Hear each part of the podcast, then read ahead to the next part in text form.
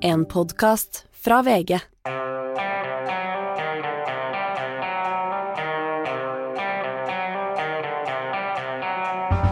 Ikke visste jeg at alle disse dagene som kom og gikk, de var selve uke 21. For det er eh, 21, er det ikke det, Hanne? Jeg føler at det er 21. Du Uke føler at det er 21. Jeg føler det. Ja, Vi hadde en liten diskusjon her rett før vi satt på, for eh, jeg husker aldri hvilken eh, uke det er. Og så må jeg spørre Magne, men så før du var der, så sa du sånn Er det ikke 23? Og så sier Magne, og det er sjelden han er såpass skarp. Det nytter ikke å bare tro, man må sjekke. og det var bra vi gjorde, for det var uke 21. Jeg følte helt feil. Ja, du følte helt feil. Det er, sånn, det er sånn som på Kvinneguiden hvor de skriver sånn Veit noen når det går tog til Drammen? Nei, veit ikke. Sånn i tretida, kanskje? Er du ofte på Kvinneguiden, Skriver man Jeg er aldri der, er du? Drammen Eh, jeg havner på Kvinneguiden uh, veldig mye oftere enn det jeg egentlig ønsker. Eh, jeg skal google et eller annet sånn hvor lenge skal asparges koke, eller et eller annet sånt. Vops, så er jeg inne på den der Kvinneguiden, og den er eh, Det er et sted hvor mange, det stilles mange relevante spørsmål og gis veldig dårlige svar. Selma, du vil også si noe om Kvinneguiden og hvilken Nei, ukenummer Jeg det var? synes det var morsomt at du hadde fått med deg toget til Drammen på Kvinneguiden. Da Ja. føler jeg at du er ganske dypt inne i Kvinneguiden. Det tror jeg er egentlig en vits fra Bård Tufte Johansen, at han har hatt den i standup-monologen. Men, men det er den type svar, da. Sånn Ja, svar du ikke ja. kan bruke til noe. Ja, ja, ja. Nei, det er mye kjerringråd der òg. Jeg blir jo alltid veldig redd når jeg går på Kvinneguiden. For da er jeg alltid kreft eller er gravid. Ja. ja. Uff. Ja. Uansett hva jeg har googlet, da. Jeg, jeg er mer sånn på Ja, Jeg havner ikke så ofte på Kvinneguiden, egentlig. du gjør ikke det? Nei. Det er, den er litt sånn chat GPT. Det var det før vi fikk chat GPT, nå går jeg på chat GPT. Også. Får du bedre svar der? Ja, det vil jeg si, men det er liksom mellom Kvinneguiden og, og leksikon et eller annet sted. I det ganske store ødelandet mellom Kvinneguiden og, og, og leksikon. Ok, nå frika det helt ut her. Hva var det vi skulle snakke om i dag? Jo, øh, lakseskatten. Eh, en- Ikke noe å le av. ikke noe å le av. En politisk thriller eh, var altså satt i gang av den forrige regjeringen, en utredning. De fikk aldri samla seg om noe. Så kom eh, regjeringen med et eh, forslag som eh, skapte sjokk og vantro i, eh, i næringen og delvis i Høyre. Og så kom det altså til et kompromiss og en ny politisk konstellasjon bestående av regjeringspartiene Senterpartiet, Arbeiderpartiet samt Venstre og Pasientlista. Er dette det nye parlamentariske grunnlaget til regjeringen, Hanne? Bare et lite øyeblikk, tror jeg, men det er veldig interessant. Og jeg tror det var veldig klokt av regjeringa å gå over midten og få med seg Venstre, og ikke minst pasientlista, da. Jeg hadde helt glemt Pasientlista, eh, at de var, at de var der, for de dukket opp i går med lakseskatt. Ja, og så har de plutselig fikk de en nøkkelposisjon, det var ganske spennende. Nei, for nå har du klart å lage et forlik over midten, som gjør at det blir mer solid. Det blir lavere skatt enn det regjeringa hadde sett for seg, men de lot seg ikke presse av SV til å jokke den veldig, veldig høyere opp. Så at jeg tror at dette er en, eh, en god løsning, og ganske smart. Ja, Øh, jukke den høyere opp, ja. Ja, det var Eh, kanskje feil ord! Det er du som går på Stortinget, jeg vet ikke, jeg vet ikke hvordan de jobber der. De har jukka han opp i øh, øh, Eller jukka han ned, vel, egentlig, fra det forslaget. Hva, hva har de jukka han ned i, Hanne? Fra 35 til 25% Ja, det er, det er bra nedjukka. Og så er du da altså Høyre som Nei, Venstre som skal være den næringsvennlige partiet, men de mener altså at dette er Nå ble det latterkick her i studio. De mener at dette er jokka godt nok.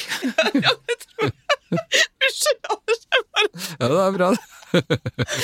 Åh, det grå. Ler som en grå. Ja. Nei, men det er, det er et bra forlik. Ja, ja, det er noe vi støtter. Vi, den ansvarlige avisen Verdens Gang, støtter, støtter dette på lederplass. Men eh, Høyre er fortsatt eh, fortørnet. Og forsmådd. Og forsmådd. Ja. Eh, de er forbikjørt, og, og de har mista dette initiativet. Men hva tror du eh, Hva vil de gjøre hvis de nå hadde fått regjeringsmakten igjen? Vil de da fjerne lakseskatten eller eh, senke den ytterligere, eller er det sånn at de bare nå eh, agerer hysteri og sjokk og vantro og sånne ting, og så er de egentlig fornøyd med de inntektene dette gir? De bare agerer. Jeg er ganske sikker på at de ikke vil gjøre noe med den når de kommer i makta. De kommer til å være glad for de pengene som kommer inn. Og jo, egentlig har jo de også sett, sett at det er behov for en grunnrenteskatt på disse tingene. De lot seg overkjøre og sjarmere helt av lakselobbyen i sin tid. Lakselobbyen har drevet veldig intenst, vi kan si at de i hvert fall tapte delvis med at det nå faktisk kommer en lakseskatt, selv om den blir lavere enn det regjeringa hadde lagt opp til. Så Høyre tror jeg er letta for at det er blitt et forlik, og så kommer de til å bruke de pengene som alle andre gjør. Men så var det jo altså, det var ikke måte på alt de gode formålene denne lakseskatten skulle gå til når, eh, når den ble presentert, og man var helt nødt til å gjøre det for å få penger til syke og gamle og utdanning og, og helsetjenester og jeg vet ikke hva. Men når den ikke blir så høy, da må vi renonsere på noen av alle disse gode formålene, da? Ja, nå må de jo kutte av mange grunner. På nyhetene i dag så var det jo dette med forsvarsbudsjettet, som Forsvarskommisjonen vil ha eh, egentlig mangedobling av eh, dagens forsvarsbudsjett. Der må de jo også hente inn penger. Eh, men jeg tror ikke det står eller faller på lakseskatten, det må helt andre, mye større grep til. Ja, Men nå er det i hvert fall eh, hele banka, dette går, eh, går gjennom i Stortinget, og altså, denne pasientlista har uh, fått en ny altså, kan den utnytte dette momentumet? Altså, Carl I. Hagen ble jo i, i sin tid uh, stor og kjent, han satt nesten alene på Stortinget, uh, men hadde en vippeposisjon som, som han kløktig klarte å, å, utnytte. Kan noe sånt skje med pasientlista? Er det det nye Fremskrittspartiet? Det tror jeg ikke. Og det er klart, SV føler seg veldig for små. Dette kan jo leses på to måter fra SVs side. Enten at de skjønner at de kan ikke tas for gitt, eller at de, de skjønner at de kan ikke presse for mye, Nei. så at de blir lettere å få på plass, eller at de er så forsmådde at de liksom sier ok, bare gå til pasientlista, da. Ja. Og da kan pasientlista bli viktig. Men jeg tror at dette er en one shot, egentlig. Men det er så gøy at du snakker om det der med forsmådd hele tiden, at både Høyre og SV og sånn er, er, er, dette så skolegårdaktig, de uh, følelsene i politikken? Nei, det er mer at vi kanskje velger de ordene. Det er klart Ja. at De går ikke rundt og føler seg såra og, og oversett, men de Nei, er har nok ikke sånn litt klump i halsen når de Nei, det er ikke tårer i øynene og sånn, men, eh, men de føler, ikke- føler seg litt overkjørt, jeg. Og for Høyre, det å plutselig se Venstre, gamle koalisjonspartneren, gamle regjeringspartneren, forsvinne inn i et forlik som Høyre har vært veldig imot, og bryter den alliansen der, det er ganske kjipt for Erna Solberg og co. Hvem er det som har fått til denne dealen? Er det, er det Stortinget, er det Senterpartiet og Ap på Stortinget, eller er det fra regjeringen, eller hvordan er den? Det er jo Stortinget dette har vært forhandla i finanskomiteen, flinke folk der. Men så har selvfølgelig regjeringsfolka vært eh, orientert hele veien. Men jeg tror det er eh, Han Eigil Knutsen fra Arbeiderpartiet er veldig flink, sitter i finanskomiteen. Er, jeg tror det har vært godt håndverk, ja. Ja. Fra alle hold, egentlig. Ja. Ok, gratulerer fra Verdens Gang, som eh, alltid maner til at man skal møtes på midten og finne en, lø finne en løsning, og det har man altså gjort i denne saken. Brobygging, altså. Brobygging. Våren er her, for ikke å si sommeren er her, og med den så kommer det fram litt av hvert. Både hundebæsj og syklister i, i stort monn. Eh, byen Oslo som eh, vi lager podkast i, det er, eh, det er en, har tatt mål av seg til å være en av Europas ledende sykkelbyer, med et mål på 25% del av transporten skulle være sykkel innen 2024. Eh, og Frank Ertesvåg, eh, mangeårig journalist her i VG, men nå for tiden på kommentaravdelingen. Og første gang her i Evig-gjengen, velkommen. Takk for det. Det er veldig stor ære å være her. Ja, det er, ikke si det med den ironiske tonen der. Men det er veldig hyggelig å ha deg her, og, og gøy å ha deg på avdelingen, fordi du uh, leter etter stoff ofte litt andre steder enn enn det vi gjør. Og, uh, I dag på morgenmøtet så nevnte du altså at byrådets mål om sykkelandel av transporten i Oslo er ikke Det er langt fra oppnådd. Det er enda lenger unna enn det der halvannengradersmålet i klimapolitikken. Absolutt. Det, det en skal jo kanskje ha respekt for, for hårete mål og ambisjoner, men eh, en har kanskje tatt eh, hva skal jeg si, munnen litt for full når en har sagt at en skal nå eh, 25 eh, reiseandel for eh, at syklister skal utgjøre 25% reiseandel i Oslo i løpet av 2024, altså i løpet av neste år. Ja. Eh, mens fakta måtte vise at eh, de ligger på eh, rundt regna 6 og da de, de ligger på ganske lenge. Ja. Så sykkelandelen går ikke noe særlig opp. Derfor så blir det litt sånn tenk på et tall, tenker jeg, og, og si at vi skal nå 25% i løpet av neste år. Får dette noen form for konsekvenser, eller er det bare at byrådet ikke når målet sitt? Jeg ser ikke for meg at det får noen konsekvenser. Eh, Byrådet vil òg sikkert få litt skryt fordi de har vært så ambisiøse. Eh, Det, det er kanskje en sånn MDG-måte å tenke politikk på. Vi må snakke litt i store bokstaver for virkelig å, å nå fram.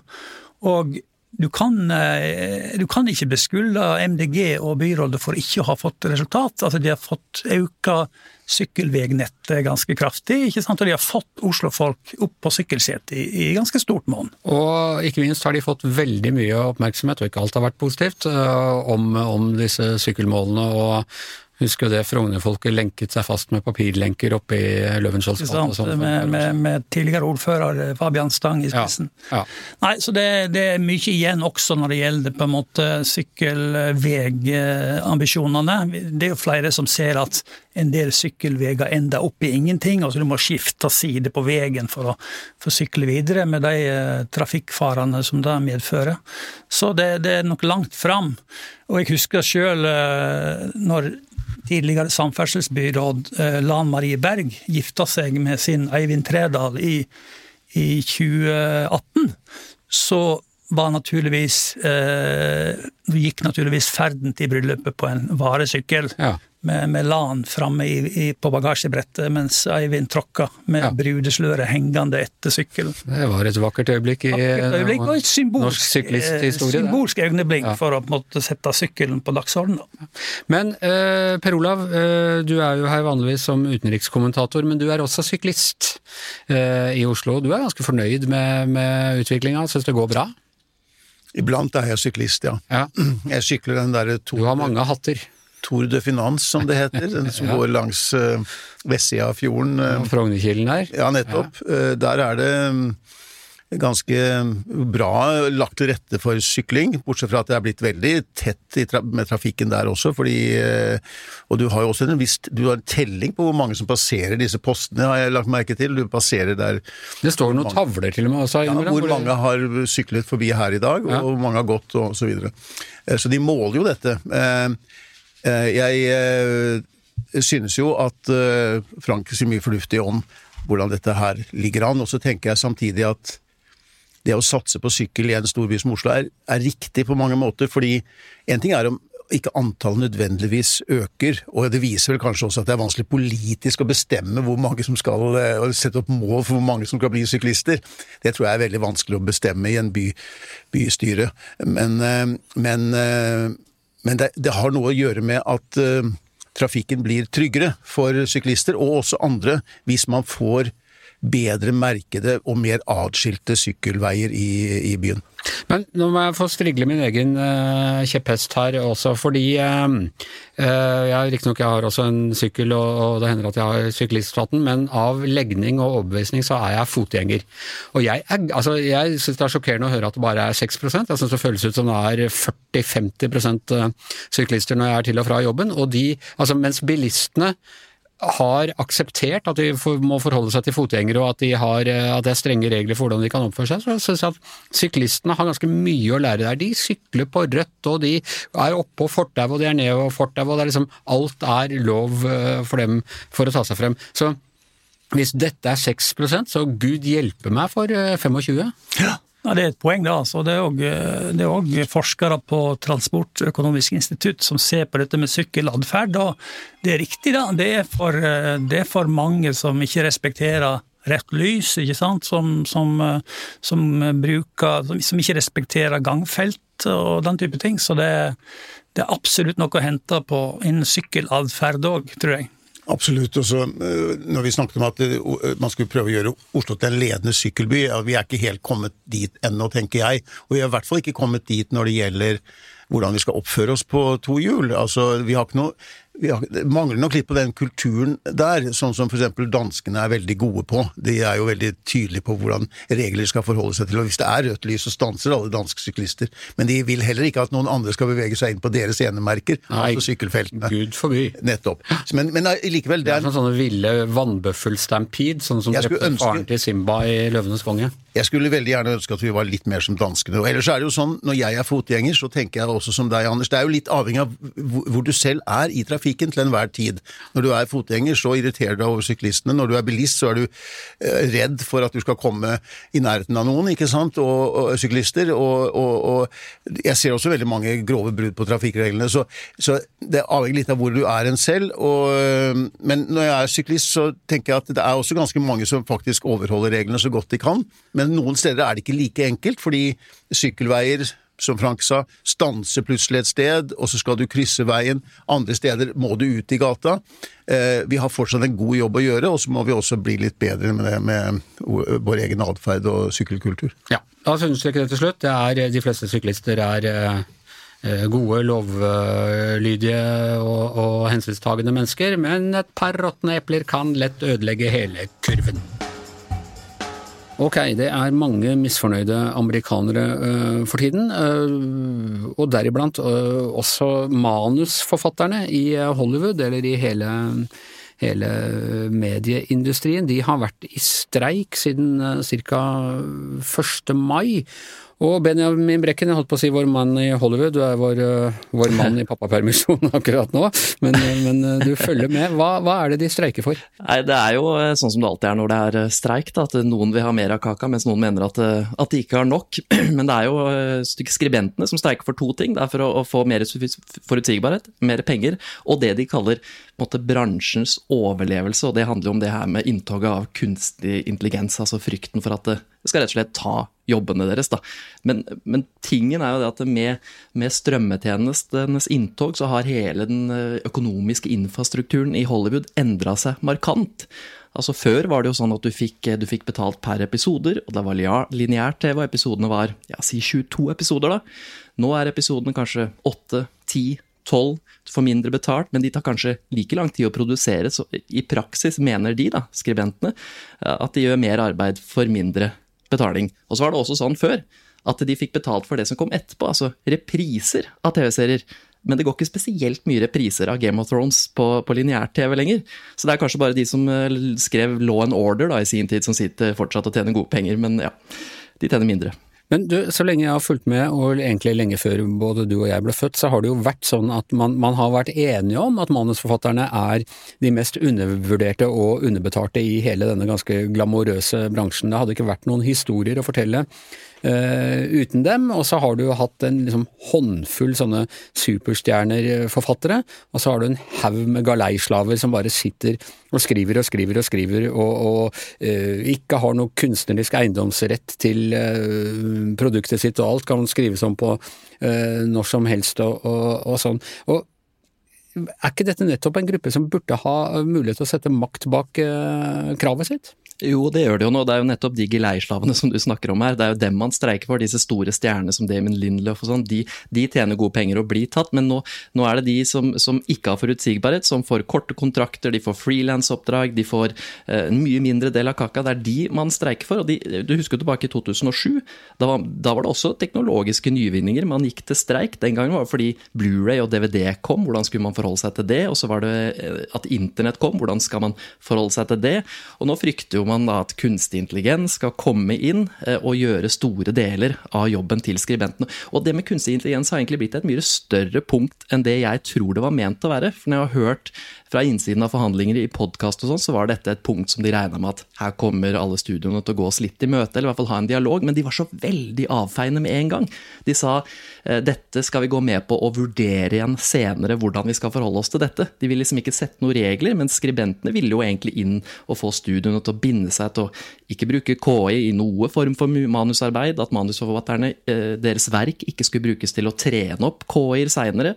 Eh, manusforfatterne skulle ikke pålegges til å skrive om en KIs arbeid. Ingenting av disse tingene har de blitt møtt på, og når de var så avveiende, så ble det plutselig superviktig, det punktet der. Nå må jeg si, eh, jeg så for eksempel, jeg binsja to eh, sesonger av eh, Virgin River under pandemien, og det virka som det var skrevet av kunstig ikke veldig intelligens allerede. Men jeg ser at nå er det, altså, nå er det store show. Ander, den store Star Wars-suksessen, House of Dragon, Rings of Power, denne fortsettelsen på, på Ringenes herre, og, og, Saturday Night Live, disse komikerne er jo ikke noe morsomme hvis ingen skriver vitser for dem. Det rammer ganske hardt, dette her. Ja, alle late night-showene stoppa jo med en gang, for det er som du sier, det er noen som skriver vitsene deres. Andor, som du nevnte, de prøvde jo faktisk å fortsette litt.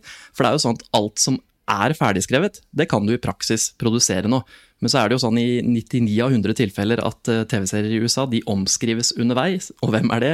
Det er manusforfatterne. Og så er det også bekrefta at Stranger Things er satt på pause, den nye sesongen der. Handmaid's Tale er satt på pause. Så er jo, som konsumer er det jo frustrerende, da. Men jeg tror, jeg tror at staminaen på begge sider er ganske sterk eh, denne gangen, så jeg tror det blir en langvarig streik. Manusforfatterne virker veldig liksom, sammensveisa, hadde vært mentalt forberedt på dette lenge. Samtidig som studiene på sin side, i motsetning i 2007, har en mye, mye større backlog, eller et bibliotek, da, med serier og stoff som de nå kan sende ut til massene. Det er ikke sånn at hvis det ikke kommer nye serier i seks måneder nå, så har vi ikke noe å se på, Anders. Jeg tror jeg kan se en ny serie hver eneste da fortsatt, eh, og kose meg med det uten at jeg har sett det før. Ja. Partene står langt fra hverandre. Er det noe håp om tvungen lønnsnemnd? De har kanskje ikke det i USA? Det vet jeg ikke om dette vet du mer om. Det er jo egentlig bare det at en fagforening så står så sterkt i denne bransjen er jo ganske utrolig, for det er vel ikke noe USA egentlig har tradisjon for det, men akkurat i denne bransjen har de liksom fått fotfeste, da. Ok, eh, vi heier på manusforfatterne, vi. Stå på gutter og jenter. Tusen takk skal du ha, Benjamin Brekken. Så skal vi over til en ny spalte, eller jeg vet ikke om det er en ny spalte, men innimellom så har jeg tenkt at det burde være en spalte som heter Hva er greia? Og den kunne illustreres med den der kjente meme av Grandpa Simpson som hytter mot en sky, sånn gammel mann ikke skjønner tiden han, han lever i. Det gjelder nå, den gamle mannen er meg. I går så hadde vi et svært oppslag i VG, og det har vært oppslag i absolutt alle andre medier også, om at justisminister Emilie Enger Mehl hun har vært i FN og talt i hovedforsamlingen eh, og filmet seg selv gå opp på talerstolen der, og så har hun spilt den der låta som jeg egentlig forbinder mest med at Trumps innsettelse for jeg tror det var da det var en hit som het Goosebumps, uh, men det er meg, uh, og, og, lagt ut den. Du har sett videoen, Hanne. Hva syns Ja. du? Er litt rar. Ja, men bare litt. Ja, bare litt. Altså, jeg reagerte ikke veldig da jeg så den. Alle Nei, i vår tid, alle mennesker legger jo ut selfier og filmer av seg sjøl når de gjør sånne ja, se her er jeg på Akropolis, eller uh, her er jeg der og der og der. Det rare er jo at justisministeren er på TikTok. Ja, og, det er, og, det er, og, og kanskje det også, vi skal snakke mer om det. Men altså, dette har først altså, skapt en uh, storm i sosiale medier. Uh, det har lagd en egen parodi med Eivind Trædal fra Miljøpartiet De Grønne som gjør det samme da i bystyret. Og en voldsom, eh, jeg vil si, raseri og fordømmelse. Og Selma, jeg må spørre deg, hva er greia? Greia er at når unge, kvinnelige, blonde politikere filmer seg selv eh, gående eh, så eh, på jobb, så blir det liksom Det blir til å handle om at hun er en idiot, da. Og den er litt klein, den videoen. Ja, det synes er den det? Ja, men altså, ok. Jeg føler på en måte at greia er at man har noen regler for hva man kan og ikke kan gjøre på sosiale medier, som vanlig person og som politiker. Politikere dømmes jo selvfølgelig alltid hardere. Ja. Men, men det der med å legge på en sånn litt sånn kul rapplåt når hun er liksom Kanskje hun ser kanskje ikke ut som typen som hører så mye på Travis Scott, på en måte. Ja.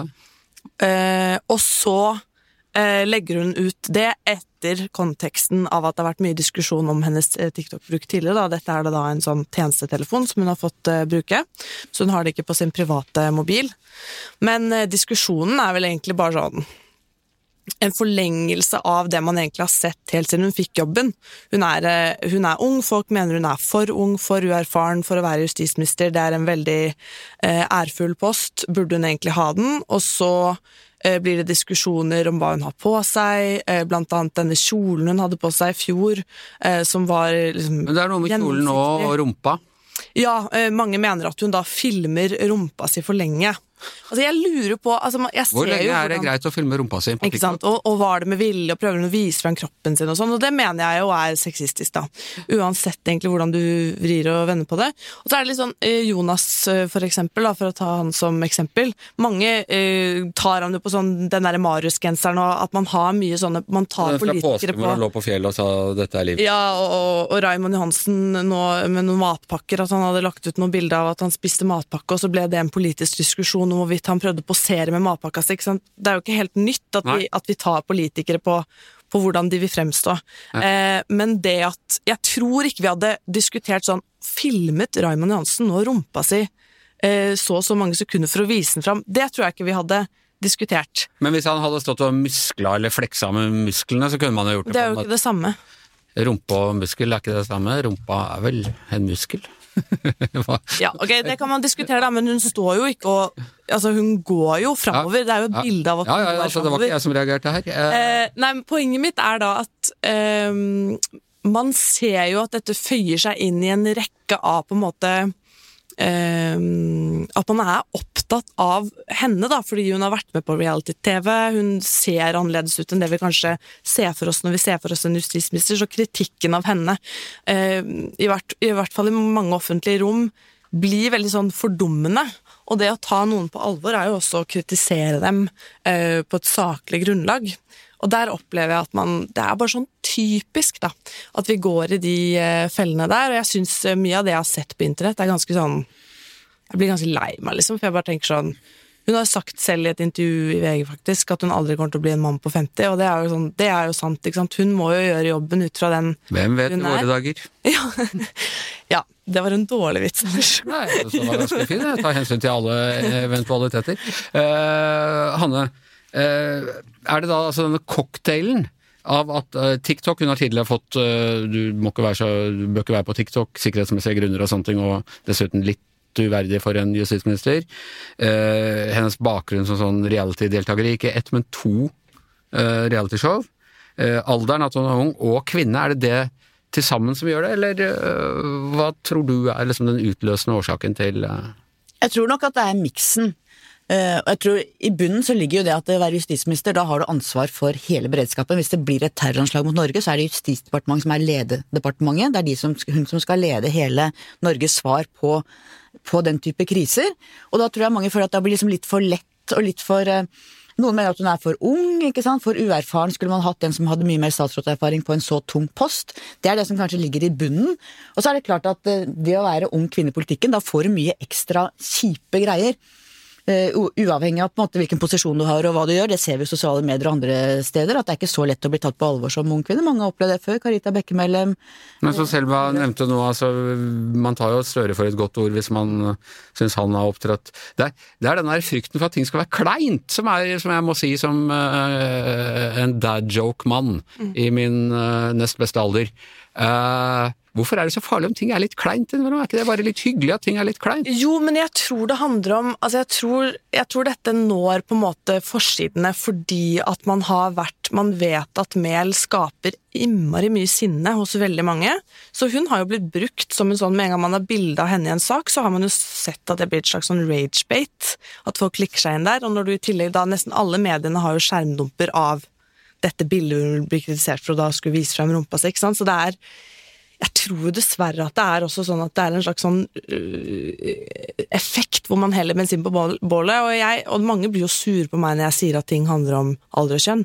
Men det her tror jeg sånn, helt utvilsomt handler om alder og kjønn, og det står jeg i. Men da handler det om handle- uh, alder og kjønn for, for Jonas Gahr Støre òg, da, når man øh, latterliggjør hans liksom Genseren hans.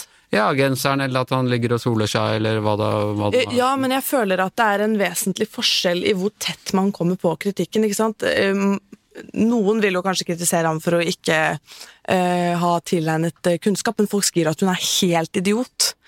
Eh, at hun er liksom uh, helt kunnskapsløs. Hun hadde jo ikke vært i den stillingen hvis hun var det. Eh, men det derre ja. Å, det har vel skjedd tidligere. men at den saken Ja, ok, men jeg, jeg syns ja, at det er interessant å diskutere hennes rolle for å diskutere hennes rolle. Hva er det hun har gjort, hva er det hun burde gjøre bedre, hvorfor vil hun eventuelt ikke være egnet i en eh, beredskapssituasjon eller sånne ting. Men da må vi snakke om det. Vi kan ikke snakke om hva hun har på seg, at kjolen hennes er gjennomsiktig, om hvorvidt rumpa hennes syns på en TikTok. Er hun egnet, uh, Hanne? Hun er en veldig flink politiker. Hun imponerte meg stort da hun var saksordfører for Bergen Engineering, denne saken hvor regjeringa altfor seint grep inn mot at eh, russerne skulle få lov til å kjøpe et selskap som reparerte bl.a. fartøy, og kunne hjelpe russerne, rett og slett. Så hun er utdanna jurist, veldig smart, veldig flink, lovende Senterpartipolitiker. Så er diskusjonen var det riktig å sette henne på en så tung post første gang hun ble statsråd. Det mener jeg er en relevant diskusjon. Mm. Eh, Men jeg tror at hun, eh, hun har vist seg veldig dyktig i jobben. Og så skal vi huske på Altså Jeg har alltid protestert mot at man skal altså ikke være så Kunne hun ikke vært digitaliseringsminister først, for eksempel? med TikTok som ansvarsområde. Ja. Jo, men dette at vi skal vi må liksom slutte å bry oss om hva kvinnelige politikere har på seg. Det har vært en utvikling til det bedre, jeg vil si at vi er mindre opptatt av det nå enn vi var før, men det at kvinner alltid blir målt på hvordan de ser ut, det blir altså ikke Det er ikke hva du har på deg som betyr om du er en flink justisminister eller finansminister eller andre ting. Det Man burde slippe å kle seg i svart eh, og dressjakke for å kunne bli tatt seriøst. Jeg, har jo, jeg husker jeg hadde en samtale for noen år siden med en journalist som er veldig dyktig, som sa at de første årene som journalist så gikk hun bare i helsvarte klær. Og hun har egentlig sånn øh, en personlighet som tilsier at det blir litt unaturlig for henne, da, men da hun følte at hun måtte det for å bli tatt seriøst. Og jeg, jeg kjenner at jeg har en trass imot det sjøl. Jeg kommer jo på jobb i eh, snekkerbuksa mi, fordi at jeg, jeg syns at man skal kunne eh, uttrykke seg på den måten man vil, selv om man er ung kvinne, at ikke man skal føle at man må overkompensere for å bevise at man har noe å gjøre i et rom. Ja, Ja, men jeg- Journalister er vel kanskje ikke den mest velkledde yrkesgruppa heller. Så Nei, men jeg er nok litt, er nok litt uenig med Selma. Jeg mener at enten du er kvinne eller mann, når du har en type posisjon som enten du er justisminister eller eh, statsminister eller hva det er, at du skal, må kle deg på en måte som gjør at ikke det du har på deg kommer i veien for budskapet. ikke sant? At du må du må ikke, men jeg mener at det er en fordel om man da kler seg litt eh, nøytralt og ikke du Knut Nærum, nei ikke Knut Nærum, men, eh, men hva het han, han, vår venn, han med VG-journalisten? Det er fra VG her, du. Han Hallo i uken. Hva- Ja. Are Kalve. Kalve! Unnskyld! Han hadde en ganske morsom en bok som han kalte T-skjorteministeren, hvor han lagde en sånn liten sånn medienovelle om en eh, ny minister som hadde T-skjorte mens han gikk til kongen, og hvordan dette ville uh, utløpe seg med det. Det var før sosiale medier. Ok, uh, mer enn nok eh, om eh, den saken. Eh, det er altså helg, eh, og i morgen har du ikke podkast, Anne? Nei, denne ukens gjest svikta meg i siste Ja. liten, og da blir det ikke noen podkast. Jeg er glad jeg bare har stort sett gjester fra kommentaravdelinga, for de svikter aldri. Vi svikter aldri, Anders. Eh, Men du skriver lørdagskommentar. Jeg skriver om rusreformen. Og da vet du det blir bråk på sosiale Du trenger ikke å drive og paradere i gjennomsiktig kjole for å få bråk rundt rusreformen på sosiale medier. Nei, det kan hende, men den eh, Twitter-feeden, det, det er ikke så interessant. Det interessante er jo innholdet i disse sakene, som Ja. jeg syns er kjempeviktig. Og hva mener du om rusreformen da, Hanne? Jeg er veldig skeptisk, eller jeg er, mener at den forrige eh, regjeringens forslag til rusreform feila ganske grovt ved ikke å skille mellom tunge rusmisbrukere og unge som eksperimenterer med stoff. Så jeg er spent på hva som kommer fra dagens regjering når de nå skal legge fram nye forslag etter hvert. Er straff veien å gå? Nei, straff er ikke veien å gå, men det må være grenser og rammer, særlig for unge folk som vi vet nå eksperimenterer mye mer enn før. Ja. Ok, eh, helt sikker på at dette kommer til å bli diskutert i sosiale medier, men da er Giæver og gjengen eh, over for i dag. Tusen takk til Hanne Skartveit, Selma Moren, Frank Ertresvåg, Per Olav Ødegaard, Benjamin Brekken. Jeg heter Anders Giæver, og mannen som jokker det hele til uke etter uke, er som vanlig vår produsent Magne Antonsen.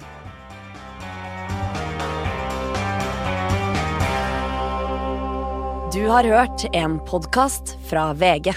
Ansvarlig redaktør, Gard Steiro.